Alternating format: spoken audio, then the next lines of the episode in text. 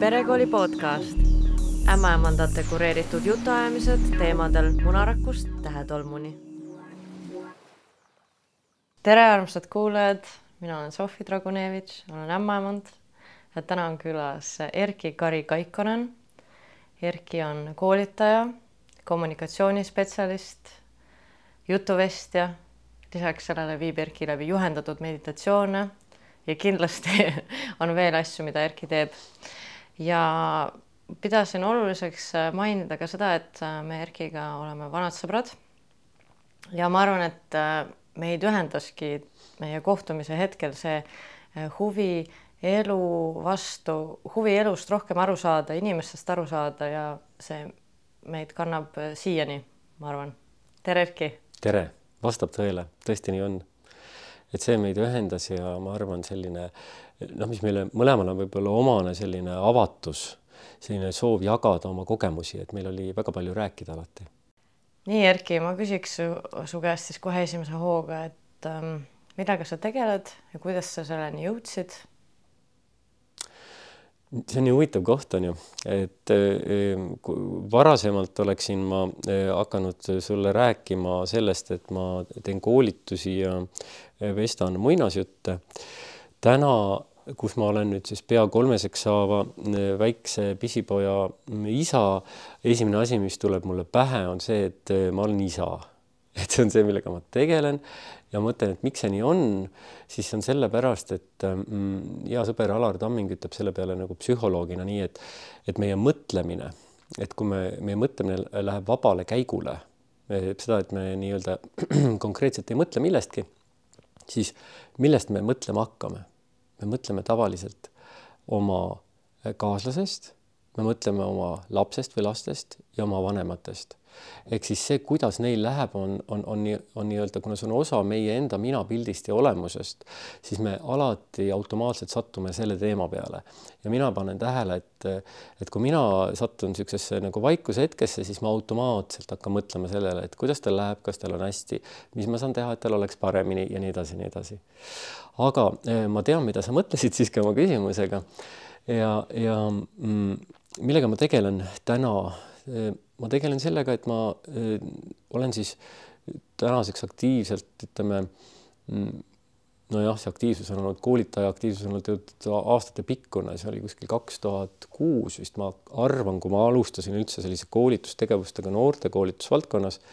täna ma peamiselt koolitan mm, ettevõtteid, ähm, kes siis, kes siis tunnevad selle ära enda jaoks ja ma mm, õpetan, jagan neile kommunikatsiooniga seotud, mitte sellist võib-olla väga ranget akadeemilist käsitlust kommunikatsioonist, mida ma olen ka õppinud, aga midagi palju nagu inimese lähedasemat, ehk siis seda, eh, mis on suhe iseendaga, see, mida ma olen võib-olla Rootsis õppinud, eh, kui ma kolm aastat õppisin intuitiivpedagoogikat, et et kuidas mõista iseennast, kuidas mõista nagu seda, mida erinevad tunded meis tähendavad, kuidas nad peegeldavad meie vajadusi ja ja, ja, ja kuidas seda sisekommunikatsiooni mõista ja, ja, ja sellest tulenevalt eh, siis teha asju, mis vastavad meie vajadustele ja olla õnnelikum inimene.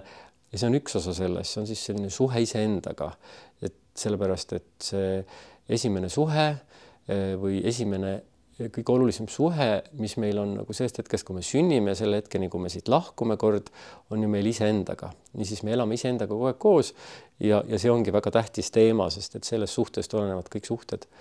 ja siis ma räägin suhetest teiste inimestega ja ma räägin kuulamisest hästi palju, sellepärast et kuulamine on minu jaoks selline väga oluline teema, mille, mille võib-olla olulisus tuli esile siis, kui ma õppisin kunagi Taani kuninglikus mereväe allohvitseride koolis, mm, kus me õppisime siis sisuliselt kuu aega eh, kuulamist aktiivselt.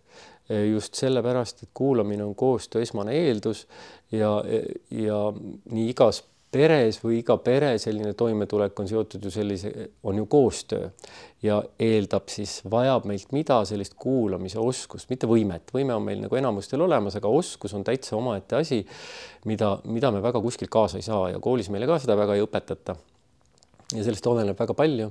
ja, ja, ja teine osa on, on siis see, üldse inimsuhted, kuidas, kuidas ennast väljendada, kuidas, kuidas see kõik võiks olla parem ja kergem ja nii edasi.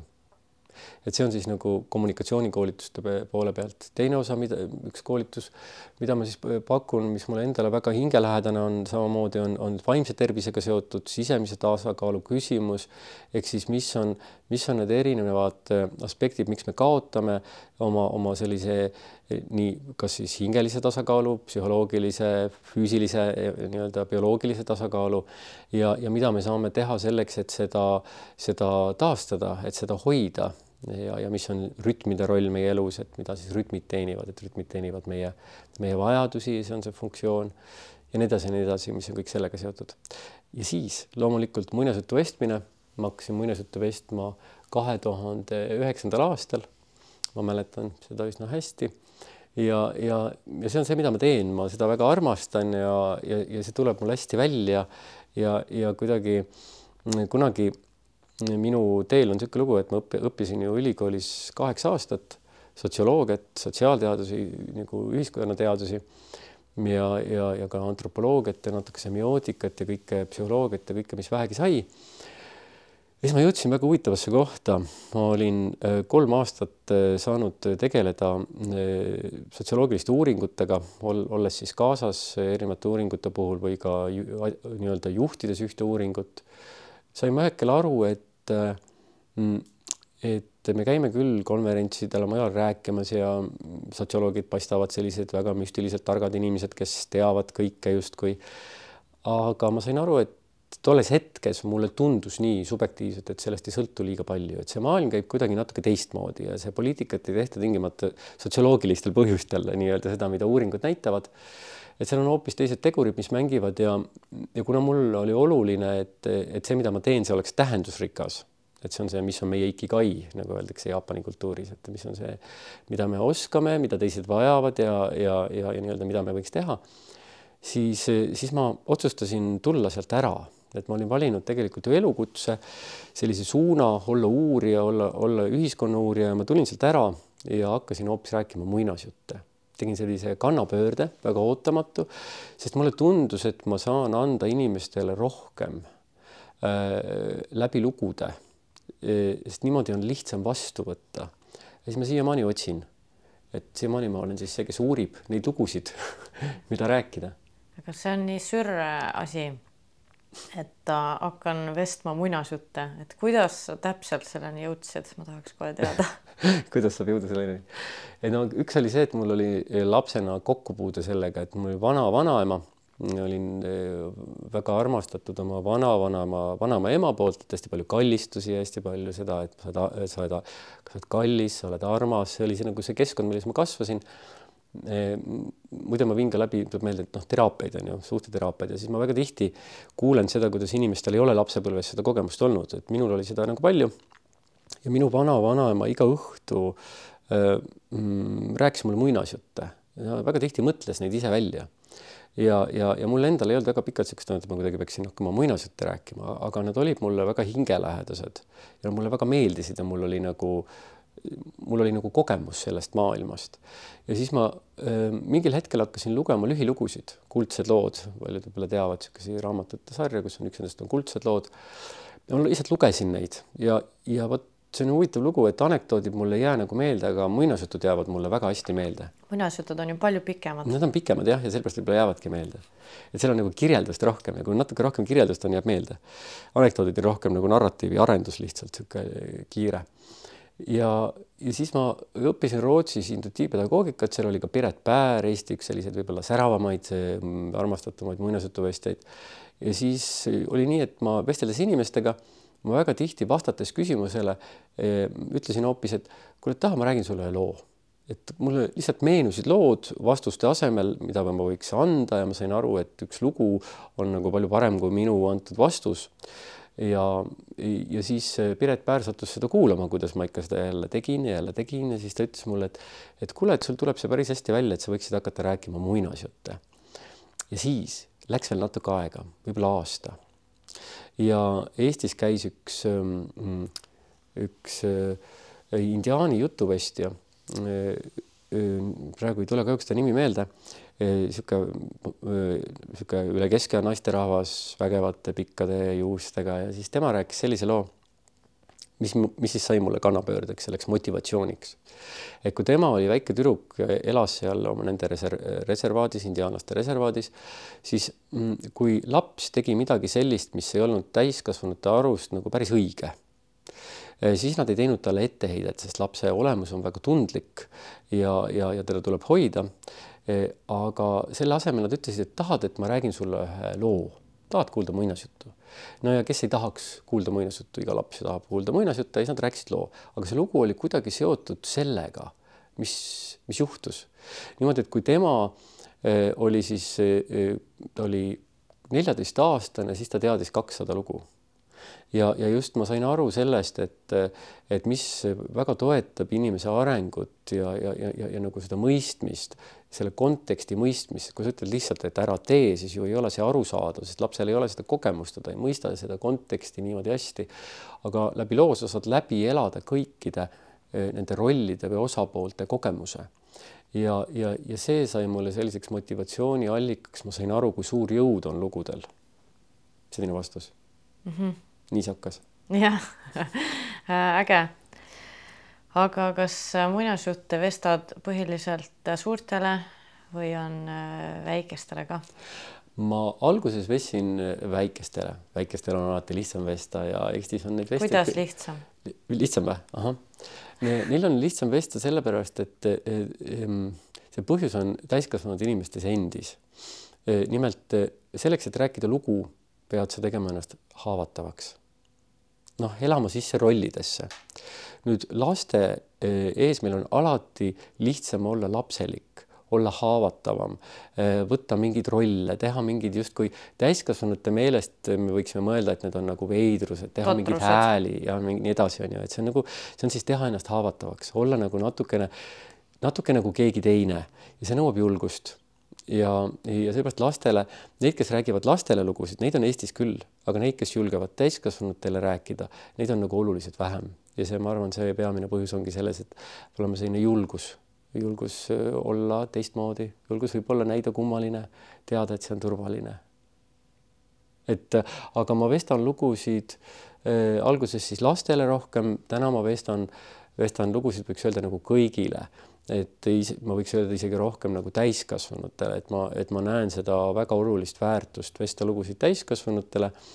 Ja, ja täiskasvanute puhul on, on see, et mm, et inimesed ei, kes pole võib-olla aastaid nagu muinasjutte kuulnud et neile võib tunduda, et see on selline nagu laste teema või kuidas see võiks üldse minuga seostuda või miks see võiks mulle korda minna või miks ma peaksin minema kuulama muinasjutte. no see on ju selline nagu väljend ka, et ah, et see on ju mingi muinasjutt, et ja, et see on ja. selline asi, noh, mis ei, ei, ei liiguta, ei puuduta meid, on ju, et see on mingi fantaasia, mingi kauge maailm. just, just, aga, aga siin on nagu see huvitav kontekst, et noh, me ju kõik armastame filme, eks ole. et käime kinos ja ja siis hiljuti ma kuulasin Piret Pääri, kus ta rääkis, mm, rääkis, pidas jutuvestmisfestivali alguses ühe niisuguse avaloengu, rääkides muinasjuttude mõjust lastele, mis oli erakordne ja silmi avav. Ja, ja siis ta tõi esile, et ta oli, oli kinos ja siis oli kinos ja, ja noh, kõik need Hollywoodi filmid, mis on sellise õnneliku lõpuga, eks ole, selline, selline ütlus on, et Hollywoodi filmid on need õnneliku lõpuga filmid no võib-olla mitte alati. et ja siis ta vaatas seda filmi ja, ja vaatas neid inimesi enda ümber ja kuidas need suured mehed seal vaatavad tõsise näoga neid, seda filmi ja söövad seda popkorne ja vahepeal naeravad ja ja võib-olla keegi poetab pisaragi isegi ja ja siis ta vaatab seda filmi ja kogu seda narratiivi ja saab aru, et see on täpselt samasugused muinasjutud ju, samamoodi, et, et lihtsalt me ei nimeta neid muinasjuttudeks, aga see põhjus miks inimene läheb vaatama filmi, on seesama põhjus, miks vanasti inimene tahtis kuulata muinasjuttu. see on, see on see meie kõigi sisemine lapselik soov, et headus on võimalik ja, ja kuskil on keegi, kes, kes on nagu hea või kuskil on keegi, kes seab õigluse jalule, seisab selle õigluse eest või et see või et see on võimalik et, et me käime nagu otsimas nagu kinnitust sellele usule, mis aitab meil elada. et see on seesama, sama sisim põhjus. ja see tundub äh, väga loogiline. aga sul on siis kolmeaastane poeg kodus. kohe saab. kohe saab, õigus, äh, jõulude paiku minul oli ka suur privileeg viibida, äh, kui tema sündis seal ja kas tema ka hea meelega kuulab muinasjuttu? jah, minu jaoks oli hästi huvitav see, et, et kus siis hakkab see, see lugude kuulamise aeg. et see oli kaks pool. ma nagu katsetasin aeg-ajalt ja mäletan, me ühe korra sõitsime autoga ja siis ma ütlesin talle, et tahab, ma räägin sulle loo ja siis ta oli mingi eh? mingi sihuke tegi siukse umbes nagu jah, midagi sellist. Ja siis ma hakkasin rääkima mingist tiigrikutsust ja rääkisin hästi sellise lihtsa loo, mõeldes tema maailmale, mis talle on nagu tuttav, need, need mõisted, mis on talle tuttavad ja need liikumised elus, need suhted. ja ma lihtsalt tegin sellise hästi lihtsa loo ja ma avastasin, et ta püsis kaasas ja kuulas, noh, autos ta istub seal, eks ole, lihtne. ja ta nagu kuulas ja siis ma olen seda vahest teinud äh, niimoodi õhtuti rääkides neid lugusid enne magama minekut, mitte alati, ega ta väga ei, ei ole nõus sellega, et mina panen magama, selles vanuses on ikkagi lapsed tahavad, et ema paneb neid magama.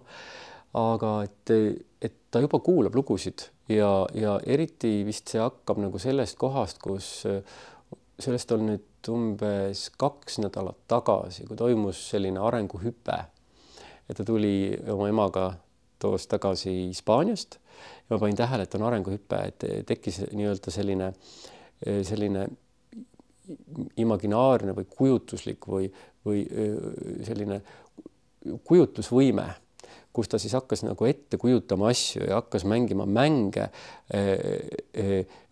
asjadega, millel ei ole seda omadust, aga hakkas seda ette kujutama ehk siis ma sain aru, et ahah, et nüüd läks see mäng lahti, et nüüd läks see mäng lahti, kus saab hakata kujutlusvõimega lendama, kus hakkab see fantaasia hakkab tööle. ehk siis eh, nüüd, kui ta on siis kolmele lähene, lähenev või kohe kolmeseks saav, siis ma märkan, et jaa, et nüüd, nüüd ta juba selliseid lihtsamaid lugusid mingil määral suudab kuulata, aga see ei ole selline ikkagi veel päris selline koht, et ta nüüd, nüüd kuulab, kuulab lugusid, nad peavad suhteliselt lihtsad olema aga nüüd, kui jutt läks juba sinu poja peale, et kuidas see on äh, sind mõjutanud, no see on selline hästi lai küsimus, aga mm -hmm. et kuidas kõik see sinu teekond on mõjutanud äh, sinu lapsevanemaks saamist ja, ja mida sa võib-olla, millest sa üllatusid ja mida sa nagu teadsid juba, et sa oled noh, inimestega nii palju tööd teinud, ilmselt rohkem täiskasvanutega, aga noh ikkagi, et kas oli sul mingeid kohti, mis oli nagu väga rasked või? Ähm, jah, noh, esiteks tuleb kohe tõdeda, et eks ole, et inimesed on erinevad, et on inimesi, kellel võib-olla ei ole nagu mm, teatud raskusi. noh, et, et, et mida see ju tähendab, see tähendab seda, et, et see lapse sünd ellu tähendab seda, et Eh, noh, eeldusel, et me oleme valmis seda vastutust võtta ja me, me nagu hoolime ja tahame olla olemas ja, ja see on ka väga vajalik tegelikult, et me oleme olemas, et meie tähelepanu hakkab jaotuma teistmoodi et eh, noh, elus on nii, et see, kes kõige rohkem karjub, see saab oma tähelepanu, isegi ärisektoris öeldakse, et et noh, et kui sa tahad oma tahtmist saada, siis sa pead ikka peale käima, pead muudkui helistama ja küsima ja et siis sa nagu saad, et kui sa nagu ära unustad, siis kõigil on noh, et need, kes rohkem tähelepanu tõmbavad, need siis saavad. ja natuke on lapsega samamoodi, et kuna tema ju, tema on kõige valjum et tal ei ole neid sotsiaalseid piire, tema midagi tahab, siis ta annab sellest teada ja võib olla sellest, selles väga palju siis see tähendab sel, seda, et selle valju, valjuduse sees eh, eh, me võime ära unustada omaenda vajadused eh, või see, mis tähendab üldse suhet hoida see, selle sees, et ikkagi juhtub nii, et see laps tuleb kogu aeg nagu esiplaanile. juhtub kuidagi nii, et tema on nagu kõige olulisem ja, ja, ja see on noh, kui, kui see nii läheb ja see on paratamatu, et ta nii läheb, siis meil on vaja nagu arendada sellist sisemist struktuuri või, või sisemist mõistmist, selliseid väärtusi, kus me saame aru, et, et kõigepealt olen mina ise.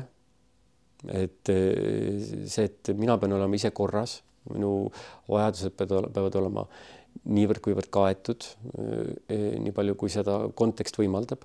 siis järgmisena on suhe minu kaaslasega, sellepärast et, et see on see, see on see, see on see, mille sees laps elab et kui see, see ühendus, see intiimsus, see, see õrnus, see jagamine läheb nagu, nagu kaotsi, siis, siis ühel, ühel hetkel on seal nagu kaks, kaks täiskasvanut, kes toimuvad kui majandusüksus ja, ja tegelevad igapäeva logistika ja kõige muuga.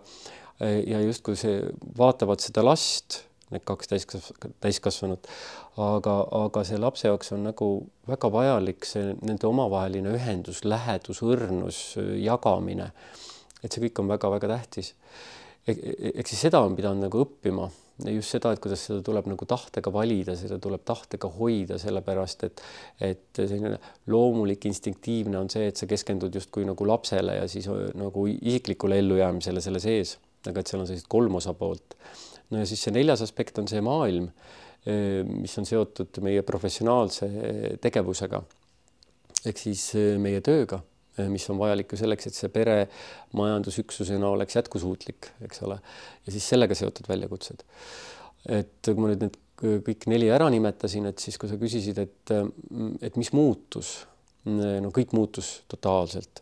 Ja, ja, ja ma võin tõdeda, et mida iganes ma selle kohta kuulnud olin ja ma olen alati lapsi väga armastanud, aga see on hoopis teine asi, armastada teiste lapsi ja niimoodi neid niimoodi mööda minnes niimoodi natuke nendega mängida ja siis nagu anda nad vanematele uuesti üle ja minna oma elu juurde tagasi, et see on väga ilus, see on erakordne, sest sul on kogu aeg nagu väga-väga palju ressurssi, sul on aega magada, sul on aega hoolitseda enda eest ja sa tuled nagu täisressursiga aga siis, kui sul on see oma laps, siis mm, see hakkab ju sellest pihta, et, et enesehügieeni seisukohast hakkab kannatama mõlemal vanemal magamine ja kui magamine hakkab kannatama, siis meie teadvusseisund muutub, meie närvisüsteem muutub tundlikumaks.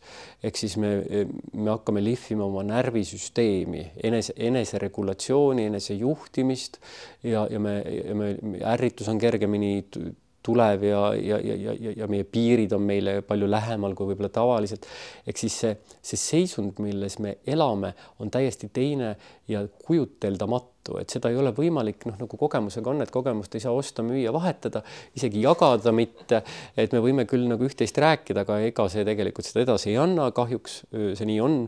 ja, ja, ja see tegelikkus on nagu palju drastilisem et see tegelikkus on palju suurem väljakutse, et selles on nagu hästi palju armsust ja hästi palju niisugust ilu, mis on lastega seotud, aga ka sellist, sellist mm, sihi hoidmist, kus sa lihtsalt jääd paigale, sa paned seda last magama ja siis eriti kui ta noh, sündinud on, on ju, et, et siis on tihti see, et ema on, lapse ema on ju rohkem seal voodis alguses, taastub sellest sünnist ja, ja, ja, ja siis isa siis ideaalvormis on siis see, kes kes siis öösel vahetab neid mähkmeid näiteks, paneb teda magama, eh, mis siis tähendab seda, et sa ju tõused kogu aeg ülesse, sa oled niimoodi välk ülesse, siis lähed tegeled lapsega ära, siis kustutad ta magama süles, siis lähed, paned ta ema juurde ja siis proovid nüüd kohe uuesti magama jääda. Ja siis põhivälja, esimene väljakutse oli see, et noh, minul on unega ei ole kunagi probleemi olnud.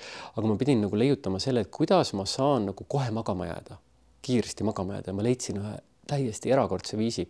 Ja ma õppisin seda kassidelt et ma olen kunagi tai chi'd teinud, siis alati saad aru, et sealt tuleb nagu see inspiratsioon õppida loomadelt, et mida kass teeb enne magama minekut ja peale magama minekut. venitab. ta venitab, just ta venitab. niisiis, mida ma tegin, ma sirutasin oma käed välja, ajasin ennast varvaste peale ja sirutasin nii, kuidas andis nagu niimoodi noh, nagu täiega. ja siis viskasin voodisse pikali ja siis see lõdvestus, mis tuleb kehasse, oli see, et ma sain nagu kohe magama jääda ja see oli väga oluline nagu niisuguse, niisugune nagu ellujäämise seisukohast, psühholoogiliselt ellujäämise seisukohast väga-väga tähtis oskus, mida ma olin kuskilt siis nagu intuitiivselt ära õppisin. Ja see aitas mind päris palju. Eh, aga, aga teine pool, mis tekib, on, eh, ma arvan, on see, et kuna ma ise olen loomult väga sotsiaalne olend ja, ja nüüd see on nagu nende inimeste väljakutse, kes on sotsiaalsed olendid. Ke, kellel ei ole sellist väga kõrget sotsiaalsust ja väga palju sõpru, siis neil ei ole nagu hullu midagi.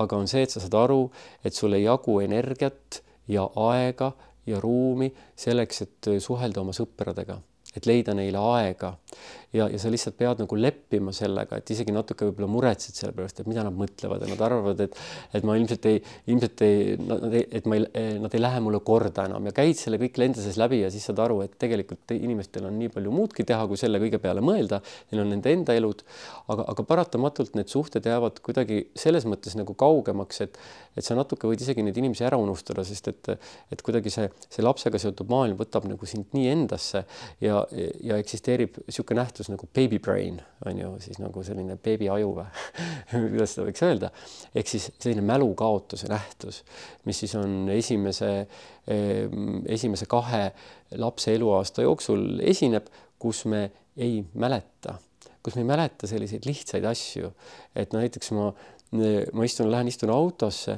ja hakkan linna poole sõitma ja mõtlen, et nii, et nüüd mul oleks aeg kohtuda veel mõne sõbraga ka et kellega ma võiks kohtuda ja mul ei tule lihtsalt mitte kedagi teadvusesse noh, minul, kellel sünnipäeval noh, oli normaalne, mul tuli sada inimest ja ma pidin valima, et mitte kahtesadat inimest kutsuda ja mul ei tule kedagi teadvusesse, kellega minna kohtuma. et see, see on ka õnneks mööduv, et, et see on kõik mööduv, aga, aga ei mäleta selliseid elementaarseid asju ja see kõik on nagu väga ehmatav.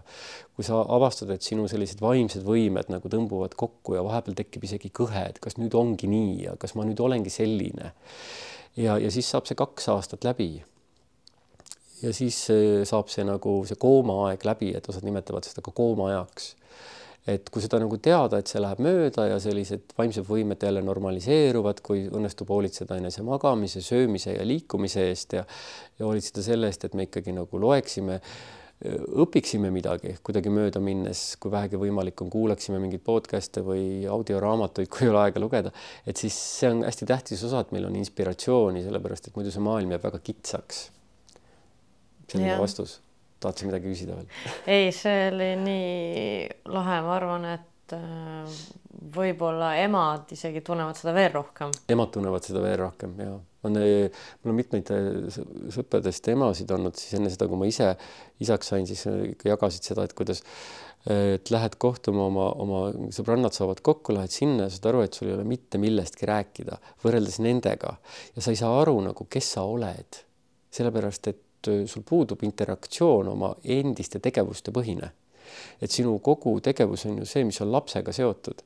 Ja, ja, ja siis see, mis neid emasid nagu toetanud on, on see, et aga et, et võtagi nii, et, et see on praegu nagu niisugune piiratud aeg, ütlegi, et ma olen praegu nagu täiskohaga ema ja see on väga põnev, et kogu aeg lapse areng ja et noh, see ongi praegu minu maailma fookus, et, et, et, et, et, et siis sa, siis sa saad aru, et, et sul on ka nagu oma koht olemas, et kes sa oled nii-öelda, et sa ei saagi olla praegu keegi teine, et see on hästi loomulik et kui me hakkame selle vastu võitlema, samamoodi isadena, kui me hakkame võitlema selle vastu, et me kuidagi tahaksime seda endist elu nagu tagasi sellisena, nagu see on, siis see, siis see päris nagu niimoodi tagasi ei tule ja see võtab ikkagi päris mitmeid aastaid aega, et see endine elu nagu mingil kujul hakkab nagu tagasi tulema, aga, aga ajale tekib hoopis teine väärtus, et kui enne oli niisugune chill imise aega palju ja saame inimestega kokku ja räägime ja veeretame seda juttu nagu Ernest on ju ja niisugune hästi tore on nagu, mida me sinuga hästi palju teinud teinud oleme, Sofi on ju, siis, siis nüüd on see hoopis teine, et sa saad kellegagi kokku siis saad aru, et sul on see aeg kuidagi limiteeritud ja siis sa nagu proovid sellesse nagu lõdvestuda niimoodi, et, et noh, et, et lasta sellel lihtsalt voolata, sest niisugune tunne, et peab olema efektiivne ka selles ajas. see on väljakutse, see on nagu korralik. jaa, täiesti arusaadav.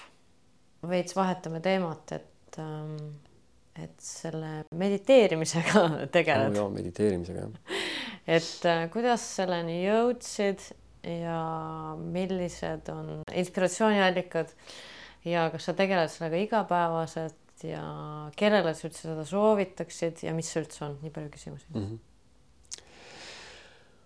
kuidas ma selleni jõudsin?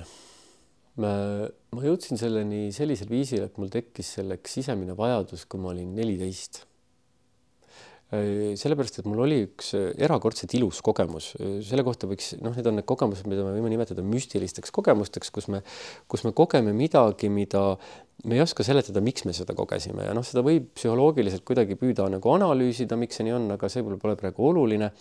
et ma olin kodus, ma olin just terveks saanud, ma olin üksi kodus, voodis, päike paistis ja mul tekkis, ma käisin kunstikoolis, aga mul ei olnud kunstiga väga tugevat sellist suhet tol hetkel. Ja, ja järsku tekkis selline tugev sisemine tung joonistada, ma võtsin hariliku pliiatsi, võtsin tühja paberilehe, ma ei teadnud, mida ma joonistan, aga ma hakkasin seda tegema. Ja tõmbasin jooni, ühel hetkel tuli silm ja siis hakkasin selle silma ümber ornamente tegema, ma süvenesin sellesse tegevusse umbes nelikümmend viis minutit. kui ühel hetkel ma kogesin midagi sellist väga-väga müstilist, et võiks öelda siis sellises mm, teises diskursuses, et, et see, et see, see silm ikoniseerus, et ta omas, omandas nagu selle keskendumise läbi sellise vormi, et ma kogesin, et see silm vaatab mind järsku. ja kogedes, kuidas see silm vaatab, siis mul oli, ma olen täiesti religiooni kauge inimene olnud ja ma arvan, et siiamaani religiooni kauge inimene, pigem olen ma nagu loomult võib-olla spirituaalne, aga mitte religioosne. ja, ja mul tekkis niisugune taju nagu nagu midagi, mis on absoluut või osad ütlevad universum või no,. kõiksus. kõiksus, et igal juhul see oli nagu kõiksuse silm, mis vaatas mind ja, ja, ja kui ma seda vaatamist kogesin, siis ma kogesin, et see on miski, mis nagu näeb mind täielikult ja armastab mind täielikult, mul tekkis niisugune taju. et ma kogesin eh, iseenda sees nii suurt armastust, mida ma pole kunagi varem kogenud. et mul lihtsalt pool tundi pisarad voolasid armastusest ja, ja, ja ma kogesin, et sel hetkel ma suutsin aktsepteerida absoluutselt kõike, mida ma olen elus kohanud ja see on ju üks kõige ilusamaid kohti, kus olla. puht nagu psühholoogilise seisundina kogeda armastust ehk siis nagu kaastunnet kõige elava suhtes, kaasa arvatud iseenda suhtes. see on kõige erakordsem seisund. E, ja siis mul tekkis soov, e, et kuidas seda veel kogeda ja siis ma hakkasin otsima, ma lugesin, eh, mina, kes ma ei olnud suur raamatute lugeja, leidsin mingit budistlikku kirjandust ja nagu kõikvõimalikke. kuidas sa leidsid? no ma hakkasin nagu otsima, ma hakkasin küsima, et kus, ma küsisin enda käest, kus räägitakse armastusest, et armastusest, mis on nagu selline kahe inimese armastuse ülene, mis on natuke nagu rohkemat, mis on kuidagi selline äh, nagu armastus kõikide inimeste suhtes või armastus maailma suhtes. ja, ja, ja siis ma jõudsin mingite budistlike tekstideni, lugesin neid ja, ja siis leidsin sealt selle kaastunde mõiste ja selle, et, et inimese süda võiks olla täidetud kaastundega kõikide olendite suhtes, no see resoneerus millegi sellega, mida ma olin kogenud. ja kuidagi sealt eh, kaudu ma jõudsin meditatsioonini ma jätkasin joonistamist, see tekitas niisuguse joonistamise puhangu, ma hakkasin joonistama sellisel viisil, et ma ei teadnud, mida ma joonistan. Ja hiljem, aastaid hiljem ma sain aru, et ma tegelesin kunstiteraapiaga kõige ehedamas mõttes, tervendasin iseenda mingisuguseid kihte. siis nagu ülikoolis õppides mm, kunstiõpetuse lisaeriala või loovusõpetuse lisaeriala, siis ma puutusin kokku ka kunstiteraapiaga ja siis sain aru, et aa, ma tegelesin kunstiteraapiaga hoopis ja, ja niimoodi ma jõudsin meditatsioonini, et ma sain aru, et, et selleks, et seda, selleni, seda armastuseni jõuda, ei aita mul see, et ma nagu väljapoole vaatan, ma pean kuidagi enda sees selle leidma, see peab minu sees ju sündima.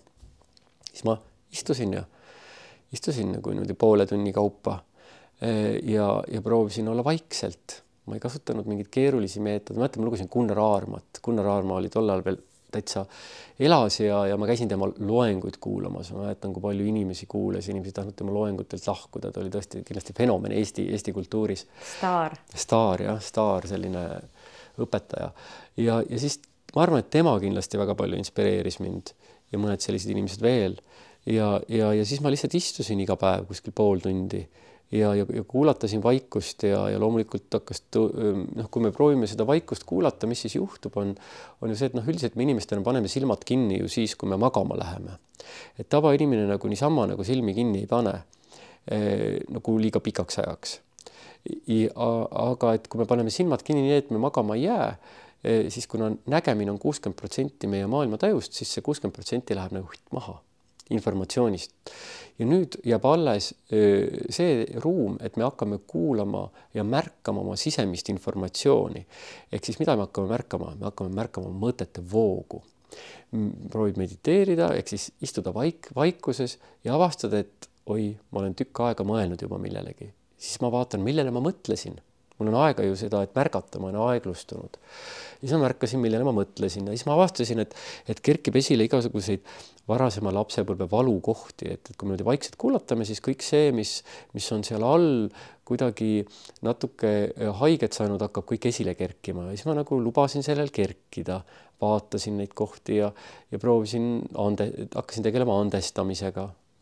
kuidagi tuli see inspiratsioon kuskilt ja ja tegelesin selliste erinevate kihtidega ja, ja lõpuks mingil hetkel ma sain aru, et, et ma olen niivõrd palju õppinud tundma oma sisemaailma ja see sisemaailm võib olla samasugune uurimisobjekt nagu välismaailm, aga selle kasutegur on see, et kõik see, mida ma iseendas näen ja mõistan, seda ma võin märgata ja mõista ka teiste inimeste puhul, eks see aitas tohutult mõista teisi inimesi ja märgata nii-öelda neid. see on siis üks osa vastusest. jah ja kuidas sa sellega praegu tegeled, kas meditatsioon on sinu igapäevane praktika? praegu ta ei ole mu igapäevane praktika, ma olen äh, kaks aastat või noh, peaaegu kolm aastat, eks ole, selle väikse äh, lapse, poja kõrvalt on seda palju raskem teha. et palju raskem valida ja, ja, ja ma olen endale kogu aeg rääkinud seda, et seda tuleks teha, vahetevahel ma teen seda, et mul on endiselt see oskus olemas, et ma panen silmad kinni, et ma mõistan selle olulisust, ma, ma, mul on erinevaid selliseid väga lihtsaid tehnikaid. Äh, näiteks kunagi siin on tõesti nüüd võib-olla seitse aastat äh, me kolme inimesega, üks neist oli mina ja siis Tartu Ülikooli eetikakeskus, me panime Eestis käima sellise pro programmi nagu vaikuseminutite programm, et mina olen üks selle, selle selliseid, selliseid vanemaid siis või emasid, isasid ja, ja, ja see täna koolides ja lasteaedades toimib ja seda ka õpetatakse noh, muus kontekstis ja see on hästi väärtuslik just sellepärast, et eneseregulatsiooni õpetada. eks suuremas pildis ju, mida ma õppisin, ma õppisin eneseregulatsiooni ja, ja mul on siiamaani hulk erinevaid eneseregulatsiooni meetode. ja üks neist on see, et panna, panna silmad kinni, hingata sügavalt sisse tunda hingamist oma rinnaku keskmes, hingata välja ja mitte midagi teha, võtta niisugune hetk, eriti hea on seda teha näiteks bussipeatuses, kus on niisugune aktiivne liiklus, paned silmad kinni, hingad sügavalt sisse, hingad välja, kuuled kõiki helisid, ei tee mitte midagi. ja siis see turvatunne, mis sisse tuleb, see närvisüsteemi rahunemine, mida me vajame väga kõik selles kiirenevas maailmas, mis tänu tehnoloogiatele ja nutiseadmetele ju on Äh, siis see on nagu väga-väga-väga-väga tähtis. ja üks mu sõber, kes äh, tehisintellektiga aktiivselt tegeleb, ütleb, ütleb selle peale, et, et võib isegi öelda, et tänu nendele nutiseadmetele, kogu sellele kiirenemisele muutub eneseregulatsiooni oskuste valdamine ehk siis nagu vaimse tervise oskuste valdamine muutub puht, täiesti reaalselt ellujäämise küsimuseks et, et, et see on mingi asi, mida me peame paratamatult äh, lähitulevikus hakkama kõik õppima. noh, oleks mõistlik õppida täpselt samamoodi nagu me õpime alfabeeti või me õpime kirjutama, sest et lihtsalt vastasel juhul me, meil on, meil on raskem selles maailmas toime tulla mm. -hmm aga kas mingid sellised eneseregulatsiooni mehhanismid äh, oleks ka värsketele lapsevanematele, on sul midagi soovitada. Ja no ikka on, ikka on jah. no üks selline, mis on hästi huvitav, on see, et, et noh, olles väga paljude lapsevanematega siis ju vestelnud, sest et on selge see, et, et lapsevanemale, emale või isale üks põnevamaid vestluskaaslasi on teine lapsevanem. Ja sellel on väga hea põhjus meil on lihtsalt väga palju ühist, meil on ühised väljakutsed, meil on, me oleme leidnud mingeid lahendusi igaüks, me jagame neid ja see on nagu see, mida me kõige rohkem vajame, sest see on see, millega, see on see meie põhiväljakutse emotsionaalselt, millega me kokku puutume.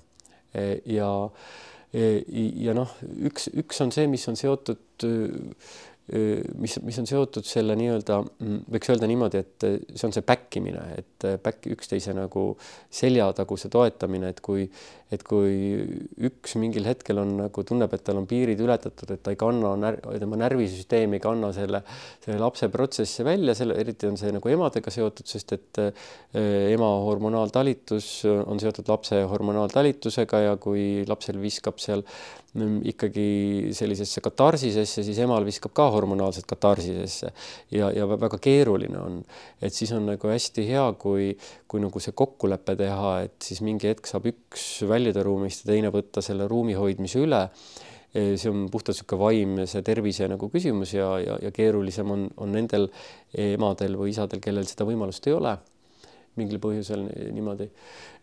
no mis, mis veel on? Oota korraks, aga kas katarsis ei ole midagi head? katarsis, katarsis on väga hea, katarsis on väga hea, aga äh, noh, see noh, selle katarsise pool noh, rääkides katarsisest, kuidas sa tood esile, toon sellise näite siis, et katarsis on väga tähtis, aga seda katarsist on vaja nagu mm, hoida sellise seisundiga ära, kui me räägime lapse katarsisest, et, et me ei suru teda alla on ju, me ei suru tema emotsiooni alla, aga me ise säilitame sellise armastava hoiaku ja selleks, et, et jääda armastavaks, et jääda rahulikuks, selleks me peame mõistma, mis toimub temaga, me peame mõistma, eh, mis on see metoodika, kuidas me sellele olukorrale läheneme. noh, praegu ma räägin hästi abstraktselt, ma võin tuua mingi konkreetse näite, siis on ja. see lihtsam. ütleme piiride panemine lapsele see on nüüd üks asi, mida, eh, mida, eh, mis, mis on nii, et kui me seda ei teadvusta, kuidas seda teha, siis me hakkame rakendama oma vanemate poolt rakendatud viise, kuidas meile seati piire, kas need meeldisid meile või ei meeldinud ja kas me saime sellest aromeeritud või ei saanud, me kasutame neid samu, sest me teisi ei tea. nii et üldiselt me peame väga palju õppida, õppima. vanemaks olemine tähendab seda, et ma olen täielik eluõpilane. mina, kes ma olen noh, üks nendest inimestest, kes võiks arvata, et ta teab kommunikatsioonist päris palju, olen tõdenud, et ma ei tea mitte midagi. et mis puutub väiksesse inimesesse, et ma pean nagu täiesti kõike uuesti õppima, olen täiesti elu nagu õpilane. ja, ja siis noh, mida ma siis näiteks õppinud olen et noh, proovid alguses nagu häält tõsta, seda noh, nagu ikka automaatselt tuleb, et kuidas sa siis paned nagu ükski asi ei aita, siis tõstad häält, no see ei aita, laps õpib ainult häält tõstma sellega on ju, see ei aita. Ja ta ja, ja, ja siis noh, ma sain rääkides omaenda nõunikega, kes on ise pereterapeudid või, või tegelevad nii-öelda peredega igapäevaselt, ütlesid ka, et noh, et ikkagi mm, või osad ütlevad isegi, et, et mis tihti emadele-isadele ei meeldi, et noh, see on ikkagi nagu väikese kutsika kasvatamine. Nagu väikese kutsika kasvatamine. Ja mida vanem, eh, varem te õpite neid piire seadma, eh, eh, seda parem, aga noh, mina sain aru, et see peab olema nagu see koht, kus, kus laps on juba, ta saab aru, me saame keelelises mõttes üksteisest aru, ma saan aru, et, et, et tema mõistab mind ja mina mõistan teda enam-vähem. Et siis ma saan hakata seda nagu tegema, et enne, enne on see nagu lihtsalt liiga suure koormuse panemine talle. ja, ja, ja nüüd kuskil kahe, kahe üle kahe poole, kui ta nüüd oli, siis me hakkasime seda tegema ja, ja, ja siis mida ma siis ära õppisin lõpuks, ma testisin seda, ma pendeldasin, põrgatasin seda erinevate terapeutidega, ma püüdsin olla kindel, et ma lapsele sellega liiga ei tee. ja siis sain kinnitust, et ei tee. Ja, ja, ja ka need selgitused ja kui ma ise psühholoogiat õppinud, siis see oli mulle nagu usaldusväärne. ehk siis see on see, et laps teeb midagi, mis ei ole õige, mida väline maailm kindlasti ei aktsepteeriks, et kõik see, mida me kodus lubame, seda laps arvab, et seda, see on maailmas ka lubatud, eks ta viskab sulle millegagi vastu pead nii, siis sa öö, annad talle teada, võtad ta sülle, ütled nii, mul ei sobi, mul ei sobi, et sa mind niimoodi viskad, et niimoodi ei tohi visata. ja, ja et nüüd sa pead lubama, et sa nii rohkem ei tee. no mida nad selle peale teevad? Nad tahavad minema minna, nad tahavad jalga lasta, nad tahavad su pikalt saata selle peale. ja see on väga normaalne nüüd minu seisund peab olema nagu pigem armastav, niimoodi, et ma hoian teda kinni, no meie pisipoja puhul on ta nagu väike viiking, ta on hästi tugev, mm, mis tähendab seda, et ma pean jalgad, ühe jala panen teise jala üle, hoian tema jalgu kinni, siis ma võtan ilusti tema kätest kinni ja siis ma vaatan, et ta oma peaga ja hammastega mind, hammastega mind hammustada ei saa, sest see katarsis, mis kohe tuleb, on fataalne. nüüd on see väiksem, aga alguses esimesed kaks nädalat, kui me seda tegema hakkasime, oli see ikkagi fataalne. aga nüüd, kuna me teame, mis see on, siis me tunneme, et see on kõik turvaline. et me teeme talle pai, ma ütlen, ma ütlen talle, et ma armastan teda, ma armastan sind väga, aga vaata, et see ei sobi niimoodi ei sobi ja nüüd sa pead lubama, et sa nii ei tee. ja siis ta karjub ja see, see, see, see noh, see katarsis ikkagi emotsionaalne on nagu meeletu. ja nüüd ongi see, et kujutage ette, et millal sinul täiskasvanud inimesena oli võimalus ennast niimoodi välja elada, oma frustratsioon välja elada, et sa ei saa seda, mida sa tahad, see ei sobi, sa kohtud sellega, et see ei sobi, nüüd sa saad nagu täielikult ennast välja elada, olles armastavalt hoitud, sa ei saa iseendale ja teistele liiga teha. Et see on see seisund, kus ta siis on. ja siis ta saab ennast vabalt välja elada, tal ei jää see emotsioon mitte kuhugi kinni, kuni siis ühel hetkel ma saan aru, et nüüd ta on selles nagu olnud, on ju, siis ma eh, küsin ta käest, et kuidas on, et kas teeme koostööd? jaa teeme koostööd, ma ütlesin, no hea küll, et kas sa siis lubad, et sa rohkem ei tee? jaa, ei tee. küsin, kas sa vabandad? ma vabandan kuidagi noh, omas keeles ta ütleb seda. ma ütlen ja aitäh sulle, et ära tee palun niimoodi. ja siis kohe see tõmbab natukene tagasi, siis ma lasen ta lahti, siis ta võib-olla natukene veel hetke nutab. alguses oli seda rohkem, alguses ta nutis esimene kord oli esimesed kaks korda nutis isegi mingi viis minutit pärast veel, aga hiljem on see muutunud kõik palju kiiremaks. ja, ja, ja see on selline asi, et et see nõuab nagu seda kohta, et selleks, et seda teha, pean ma ise olema nagu armastavas kohas. minu seisund peab olema, on hästi oluline, sest tema tajub minu seisundit, eks lapsed elavad vanemate emotsionaalkehas või selles ruumis ja tihti peegeldavad meie enda seisundeid. et, et see on, et ma ei saa, ma saan seda teha ainult siis, kui ma ise ei ole ärritunud. et see on nagu oluline koht, et nii palju siis katarsisest, et katarsist läbi elada on väga oluline, aga see peab olema teiste jaoks turvaline mm. -hmm sa mainisid enne ka suhteteraapiat mm. -hmm. et kas sa teed seda paaridele?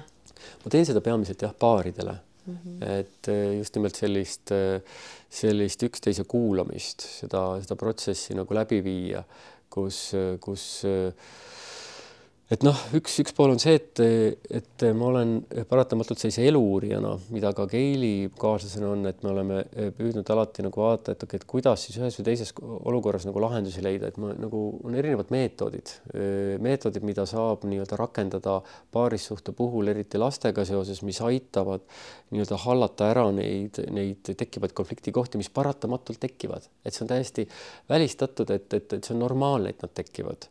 et küsimus on lihtsalt selles, et kuidas kuidas me sellega toime tuleme. Ja see on normaalne, et see lähedus läheb vahepeal kaotsi. Ja, ja, ja võib-olla mõnda aega kaotsis, et siis kuidas seda ikkagi nagu taastada ja ja kõik need valukohad, et kui ikkagi üksteisele erinevatel hetkedel halvasti ütleme, et, et, et siis see kui need, kui me sellest ei räägi nendest kohtadest, et siis juhtub see asi, et sinna tulevad need nagu niisugused kaitsekihid peale, kus hakkab see usaldus emotsionaalselt nagu äh, ära kaduma ja, ja ühendus omavahel, see intiimsus hakkab nagu ära kaduma.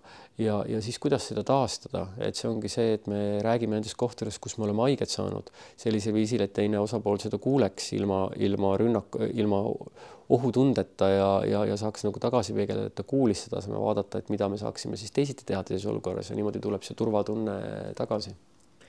Kas see teraapiasse tulek on sinu meelest enamasti naiste initsiatiivil? ma arvan, et see on enamasti naiste initsiatiivil jah et äh, see on nagu, see on nagu huvitav, ma ikka jälle puutun sellega kokku erinevas kontekstis, puheldes ka teiste terapeutidega, et et on, äh, on väga palju inimesi, kelle jaoks on hästi loomulik täna, tänases äh, maailmas juba käia teraapiates ja et mul ei pea midagi viga olema, et see lihtsalt tähendab seda, et ma olen arenguline, see lihtsalt tähendab, et ma olen arenguline. Ja aga tihti meeste puhul on see, et, et ikkagi nad ei pea seda teraapiates käimist kuidagi, see on pigem nagu see, et mul ei ole midagi viga miks ma pean teraapiasse minema? see on nagu, nagu see koht on. ja, ja, ja siis ma ise nagu olen ütelnud alati, et, et kaaslase valimise puhul on küllalt oluline selgeks teha, et kas ta peab ennast arenguliseks olendiks või ta arvab, et ta on juba valmis. sest et see e, tähistab lihtsalt seda, kui keeruline saab ole, olema äh, äh, keerulistest kohtadest läbiminek ja, ja no ja sellest seisukohast on, on see, et on, on, on suhted, kus nagu naine ütleb, et jah, et mina nagu tuleksin ja käiksin, aga mees põhimõtteliselt kategooriliselt keeldub igasugustest teraapiatest. ja siis on neil palju keerulisem nendest äh, kohtadest läbi minna ja neid lahendada loomulikult. aga kuidas sulle üldiselt tundub äh, meeste vaimne tervis, et praegu on äh, november, et ongi fookus meeste tervisele et kuidas sa seda ise tajud äh, selles kiiresti muutuvas maailmas? Ja mis on võib-olla kõige sellised suuremad murekohad sinu meelest? no vaimne tervis on praegusel ajal väga kuum suur, teema, kuum teema, väga suur väljakutse enamus inimestele, äh, eriti praegu novembrikuus, kus on kõige pimedam aeg, et äh, sest me oleme keskkondlikud olendid ja meie sisemaailm on väga tugevalt keskkonnast tingitud ja et seda võib väga selgelt kogeda, kui kui sa, hea kuulaja, oled see inimene, kes, kellel on võimalus, julgus, oskus, harjumus käia talvel eh, pimedal ajal minna kuskile sooja päikese kätte nädalaks, kaheks, kolmeks, neljaks isegi, siis sa saad aru, kui kui, kui erinevad me oleme, kui erinevalt me ennast kogeme, kui erinev suhe meil on iseendaga olenevalt sellest, eks ole. ehk siis Soomes on ju teada, et see depressiivsus on üks, üks nagu suurimaid, mis inimestel on. aga sa küsisid äh, meeste vaimse tervise kohta. et ma ütleksin, et kui ma võrdlen sellise viie aasta taguse ajaga, siis on meestel raskem, raskem kui, kui, kui, kui ta on olnud ja see kindlasti on seotud sotsiaalmajandusliku olukorraga, selle muutusega, selle määramatusega, mis on, mida inimesed tajuvad, kus mitte ainult noored, vaid me kõik ei suuda ette kujutada seda tulevikku. noh, et kus me, kuidas me siis oleme, et me, me peame, meil on vaja nagu seda, seda usaldust selle hetke suhtes ja, ja, ja sellest, et me usaldust selle suhtes, me tunneme igal hetkel ära selle, mis on nagu hea meie jaoks aga et see maailm on muutunud selles mõttes ja meil on vaja nagu kohaneda ja kohanemisvõime, kohanemise oskus on üks suurimaid selliseid asju, mida meil tuleb õppida selleks, et muutustega toime tulla.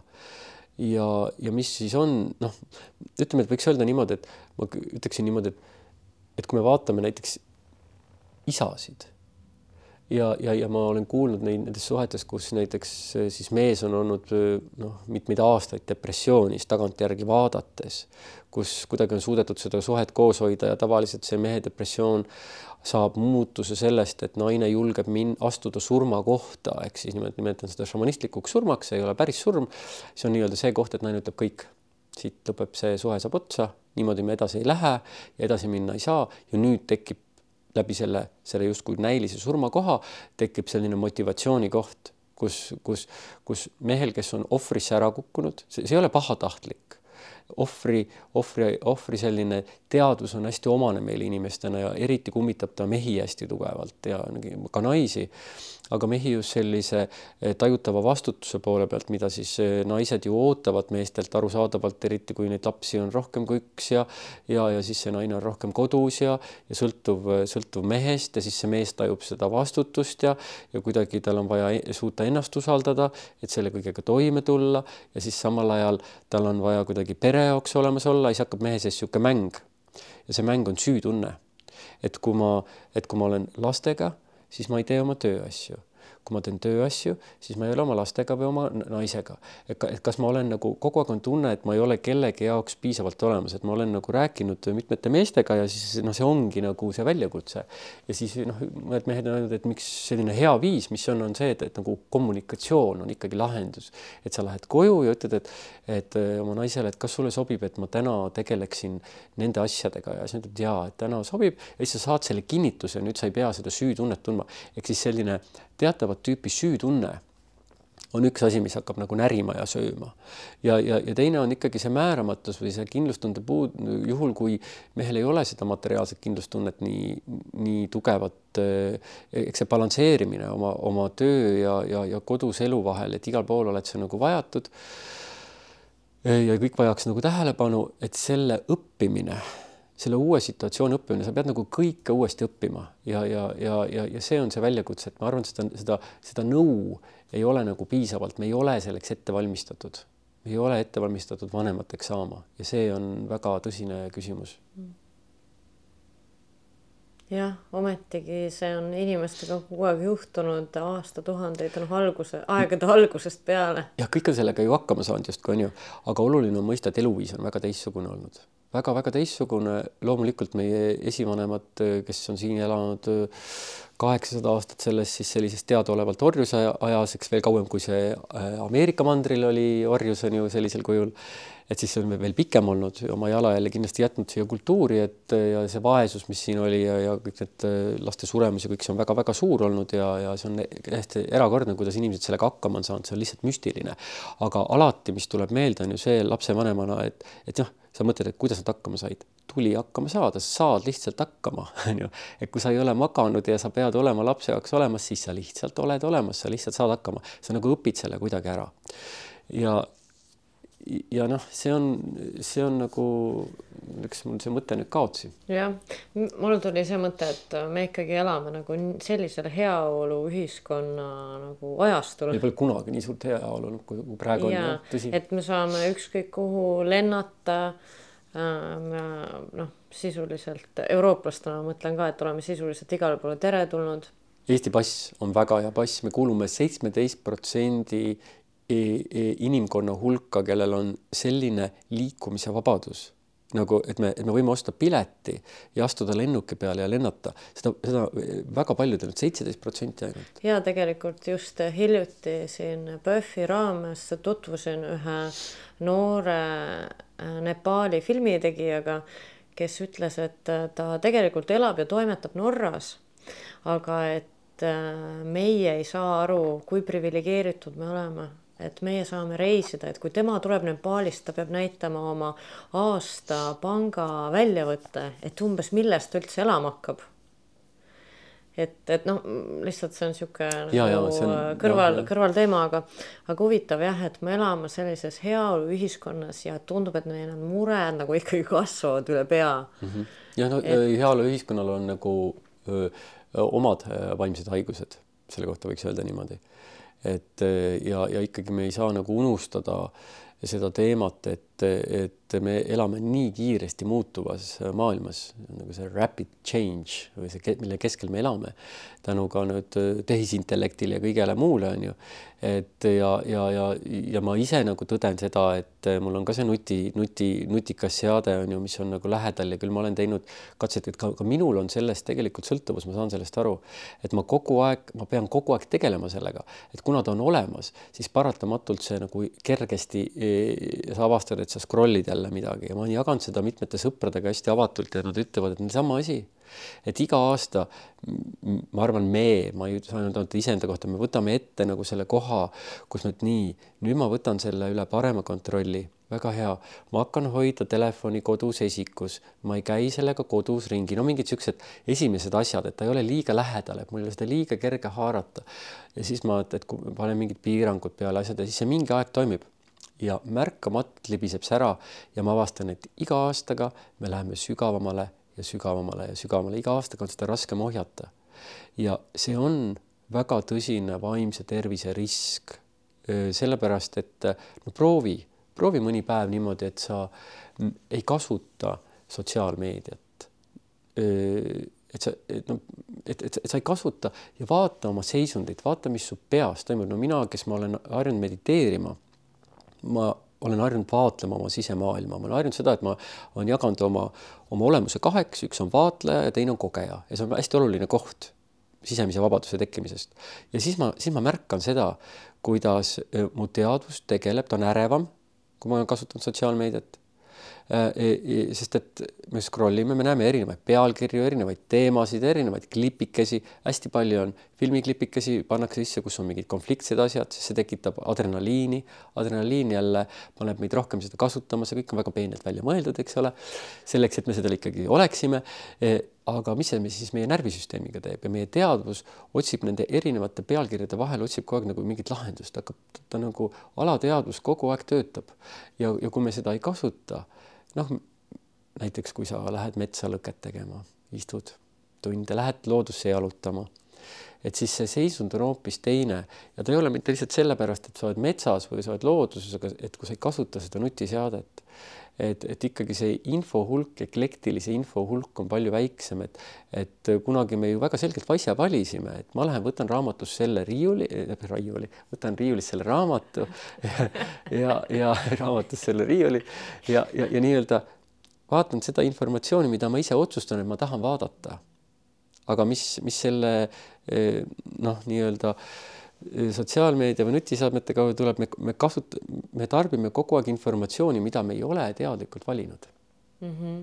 ja see on oluline väga-väga, see on, see on üks suurimaid riske, mis on seotud ärevusega kindlasti hästi tugevalt, mis on ju tänapäeva selline justkui ärevuse epideemia võiks öelda nii. no see on juba aastaid tagasi hakkas see pihta. ja, ja no ärevus ja depressioon on justkui äh, common cold. jah, ja eriti on see lastega seotud mm, -hmm. kogu see lastega seotud keskendumisraskuste teema ja nii edasi, et et noh, mina vahest mõtlen, et, et noh, kõik inimesed ju teavad seda ja siis ma avastan üllatusena, et ei tea, ei tea, et ikkagi lastele antakse, väikestele lastele antakse kätte need nutiseadmed, sest et jube lihtne on, et ta vaatab sealt neid multifilme või mingeid asju, mingi lastemängud, nii toredad lastemängud on, vaata, mängivad telefonist. areneb ju. areneb areneb ju jah, aga tagajärjeks on see, et, et, et noh, meil on hästi selge, et me ei näita mitte kunagi lapsele eh, telefonist mitte ühtegi multifilmi et võib-olla näitame mõnda eh, klipikest mõne loomakesega, me näitame nagu pilte, mida me ise oleme teinud, aga mitte midagi rohkem, et tal ei seostuks. see et, et ta nagu, ta siiamaani noh, aga kolmeseks saanud, ta ei, ta nagu ei otsi meie telefoni, tal ei ole selle telefoniga mingit pistmist. aga proovime... muidu multifilme näitate? on vanemad, kes ei näita, meie näitame, aga me väga selgelt valime, mida me näitame, et et ikkagi neid, mis, kus ei ole sellist vägivalda väga pigem, et ja, ja noh, Jaapani multikad on ju Ghibli, Ghibli multikad või minu naaber Totoro ja Muumid, mis on väga toredad ja, ja, ja siis on mõningaid keldi keldi kultuuriga seotud multikaid ja siis on äh, äh, kõrtek, Kõhõrt Ekk on Tšehhi multika, tuhat üheksasada seitsekümmend üheksa, tuhat üheksasada kaheksakümmend, hästi nunnud. et aga, et me ikka, ikka, ikka näitame neid, kes ei näita, et me oleme valinud näidata, aga sellel on ka oma piir, et näiteks kui, kui ikkagi noh, mõned sõbrad tulevad külla, me tahame omavahel vestelda, siis, siis kui me tahaksime ikkagi tunnikese vestelda, siis me ei saa seda teha järjepidevalt, kui, kui, kui seda multifilmi seal vahepeal ei käi, midagi pole teha. Et aga sellel on omad, ma saan, saan ka sellest aru, et sellel noh, ideaal oleks ju, et seda ei kasutaks. aga jah, et, et see jutt nagu kokku võtta, siis on see, et, et noh, öeldakse, et enne kuueteistkümnendat eluaastat võiks mitte nutiseadmeid lastele kätte anda, paljude jaoks tundub see täiesti uskumatu, ilmvõimatu. aga oluline on mõista, et see mõjutab laste aju, nende psüühikat tohutult ja, ja, ja nii-öelda see, kuidas nad suhtlevad ja, ja nende, nende arengut et äh, soovitan selle kohta uurida ise ja selleks, et, et mõista, miks seda mitte teha. jah, väga hea soovitus. Äh, nii tore, nii palju häid ja põnevaid mõtteid jagasid meiega, Erki. ma tahtsin küsida, et kui sa saaksid panna plakati linna peale, äh, mis sa kirjutaksid, et kõikidele lugemiseks? ja loomulikult ma täiesti kindlasti paneksin sellise plakati, et kuna ma olen turundusega tegelenud oma elust viis aastat ja, ja siis on hästi oluline on kutsetegevusele, see peab olema midagi, mis on tehtav. ja mina ütleksin, et naerata, sellepärast et see ei maksa midagi, aga loob nii palju et see on kõigi jaoks nagu lihtsalt tehtav ja ma arvan, et äh, siin põhjamaises kultuuri kontekstis see on see, millest me kõige rohkem puudust tunneme, et inimesed, kes meist mööduvad, kellega me kohtume, et nad naerataksid meile, see muudaks seda maailma lihtsalt nii palju ilusamaks ja kergemaks. ilus ja enne kui ma su minema lasen ma tahaksin, et sa räägiksid ühe muinasjutu meile mm. -hmm. jah, hea küll no ma siis räägin ühe muinasjutu. et äh, äh, räägin siis selle loo jah äh,. elanud kord üks äh, kuningas, üks kuningas ja, ja, ja see kuningas, tema, temal oli väga vedanud, tema oli väga tark, tema oli väga tark ja, ja tal oli ühe asjaga veel vedanud, tal oli sõber sõber, kes oli ka väga tark ja kuna nad olid lapsest peale sõbrad olnud, siis tal ei olnud üldse no, sellist no, nagu mingit pinget, sellepärast et sõber oli isegi veel targem kui tema ja kui ta vajas head nõu, siis tal oli tark sõber, kellega nõu pidada, kellelt head nõu saada. ja nii palju, kui see kuningas sõltus, läks inimestel seal selles kuningriigis väga hästi. ja igal sügisel käisid nad jahil ja eh, nii nad eh, seekordki läksid jahile, kuningas eh, laskis kokku ajada vibukütid, ammukütid, ajajad koertega ja, ja ratsanikud hobustega. Ja läksid metsa, ei saanud pikalt ratsutadagi. Jahil olla, kui kuningas isiklikult lasi vibuga maha puh, suure põdra ja põder kukkus kõmm vastu maad. toonane traditsioon nägi ette, et see, kes looma tabab see peab looma hinge vabastama traditsioonide kohaselt ja tänama looma hinge ja läks kuningas kummardus põdra kohale. kummardus põdra kohale, võttis oma bussinoa ja mõtle, põder võttis kokku oma viimase jõu ja naksti hammustas kuningal väikese sõrme otsast ära, verd voolas ja lahmas. kõik jooksid tohutu segadus, kuningas karjus, kuninga sõber vaatab mis siis toimunud on, läheb lähemale, ütleb, et mis nüüd juhtus siis. kuningas ütleb, mis juhtus, mis juhtus? põder hammustas ära mu väikese sõrme. kuidas ma olen niimoodi kuningas? no nii väga armastas ta oma sõrmi. ja sõber, tark mees nagu ta oli, ütles, et noh, aga vaata, unustades ära muidugi selle emotsionaalse konteksti on ju, ütles, et kuningas, vaata, et sa pead usaldama, kõik on millekski hea. ja kuningas läks raevu ta läks raevu, ta ütles, kuidas sa saad mulle öelda midagi sellist, kuidas saab olla see hea, et põder hammustab ära minu väikese sõrme. aga ta oli nii vihane, et ta lasi sõduritel võtta sõbrakingi ja heitas sügavale lossi vanglasse. kuningas ei käinud aasta otsa oma sõpra vaatamas, oli avalik saladus, et kuningal ei ole ühte väikest sõrme, kuningas kandis kindaid, vähesed olid need, need, kes olid seda näinud. ja aasta möödus tuli aeg minna jahile. kuningas ajas kokku vibukütid, ammukütid ajad koertega ja ratsanikud hobustega läksid jahile. möödusid tunnid, ratsutavad, mets läheb tihedamaks, kõrgemaks ja mitte ühtegi looma. no sellist asja pole aastaid olnud. ja juba kui neljas tund oli, nad olid sügaval metsas, no kaugemal, kui nad tavaliselt käivad. ja, ja, ja järsku kuulevad mingeid kummalisi hääli, mingeid põrinaid ja vilinaid ja, ja enne kui nad arugi saavad, üks metsarahvas on nad ümber piiranud ja kuna seda metsarahvast on rohkem, siis ei jää midagi muud üle. Nad võetakse vangi ja viiakse külla külas on muidugi kõik väga rõõmsad vangide üle ja algavad suured pidustused. nimelt sellel metsarahval, neil on seal selline traditsioon, et iga kaheteist aasta tagant eh, nad usuvad, et tuleb ohverdada nende jumalatele seda, mis on kõige väärtuslikum, eh, sellepärast et eh, see toovad kaheteistkümneks aastaks õnne. ja kui see peaks olema midagi, mis on ebatäiuslik, peab olema täiuslik siis võib see tuua kaksteist aastat õnnetust. no selline uskumus oli neil ja loomulikult sa võid arvata, et eh, nad said kohe aru, et kõige väärtuslikum asi, mida ohverdada, on kuningas isiklikult. kuningas oli kinni seotud, lõkked põlesid, trummimängijad mängisid trummi, laulsid, lauljad laulsid ja, ja tantsijad lõid tantsu. tseremoonia oli alanud. šamaan või preester kõnnib ümber kuninga, mõõdab teda pilguga pealaest jalatallani. vaatab ja märkab kuninga käes kindaid, tõmbab siuh, kindad käest ära ja mis ta näeb? kuningal. Ei ole ühte väikest sõrme, kargab püsti, ajab oma käed ja jalad laiali, ütleb stopp! Ja kõik peatub. lauljad jäävad suu lahti vaatama, tantsijad naelduvad paigale ja trummimängijad tõstavad käed trummidelt. Ja kõik vaatavad küsivalt, et mis siis nüüd ja too šamaan ütleb, et me ei saa, me ei saa seda meest saata oma jumalate juurde. ta võib meile tuua kaksteist aastat õnnetust. kuidas nii? küsivad teised. no tal ei ole ühte väikest sõrme. mida nüüd teha, kõik on ärevil, tseremoonia on pooleli. tseremooniad on alati sellised väga pingelised kohad, kus kõik tuleb teha ju õigesti. kõik on väga mures, kutsutakse kokku vanemate nõukogu suures tipis, istuvad terve öö, arutavad, pingeline olukord ja hommikul päikesetõusuks jõuavad selge ühismeeleni. see on jumalate tahe, tuleb usaldada ja mees lasta vabaks, ilmselt peab ta ellu jääma. antakse kuningale hobune ja ta ratsutab kodu poole ja kuningas mõtleb, mõtleb, et eh, mu sõbral oli õigus, mu sõbral oli õigus, kui ta ütles, et kõik on millekski hea, sest on ju selge, et kui põder ei oleks ära hammustanud minu väikest sõrme, siis nad oleksid mu ohverdanud oma jumalatele ja ma oleksin praegu juba surnud. niisiis otsustas ta oma kuningriiki Äh, lasi sõduritel viia lossi vanglasse, nad läksid mööda järske treppe alla tõrvikute valgel.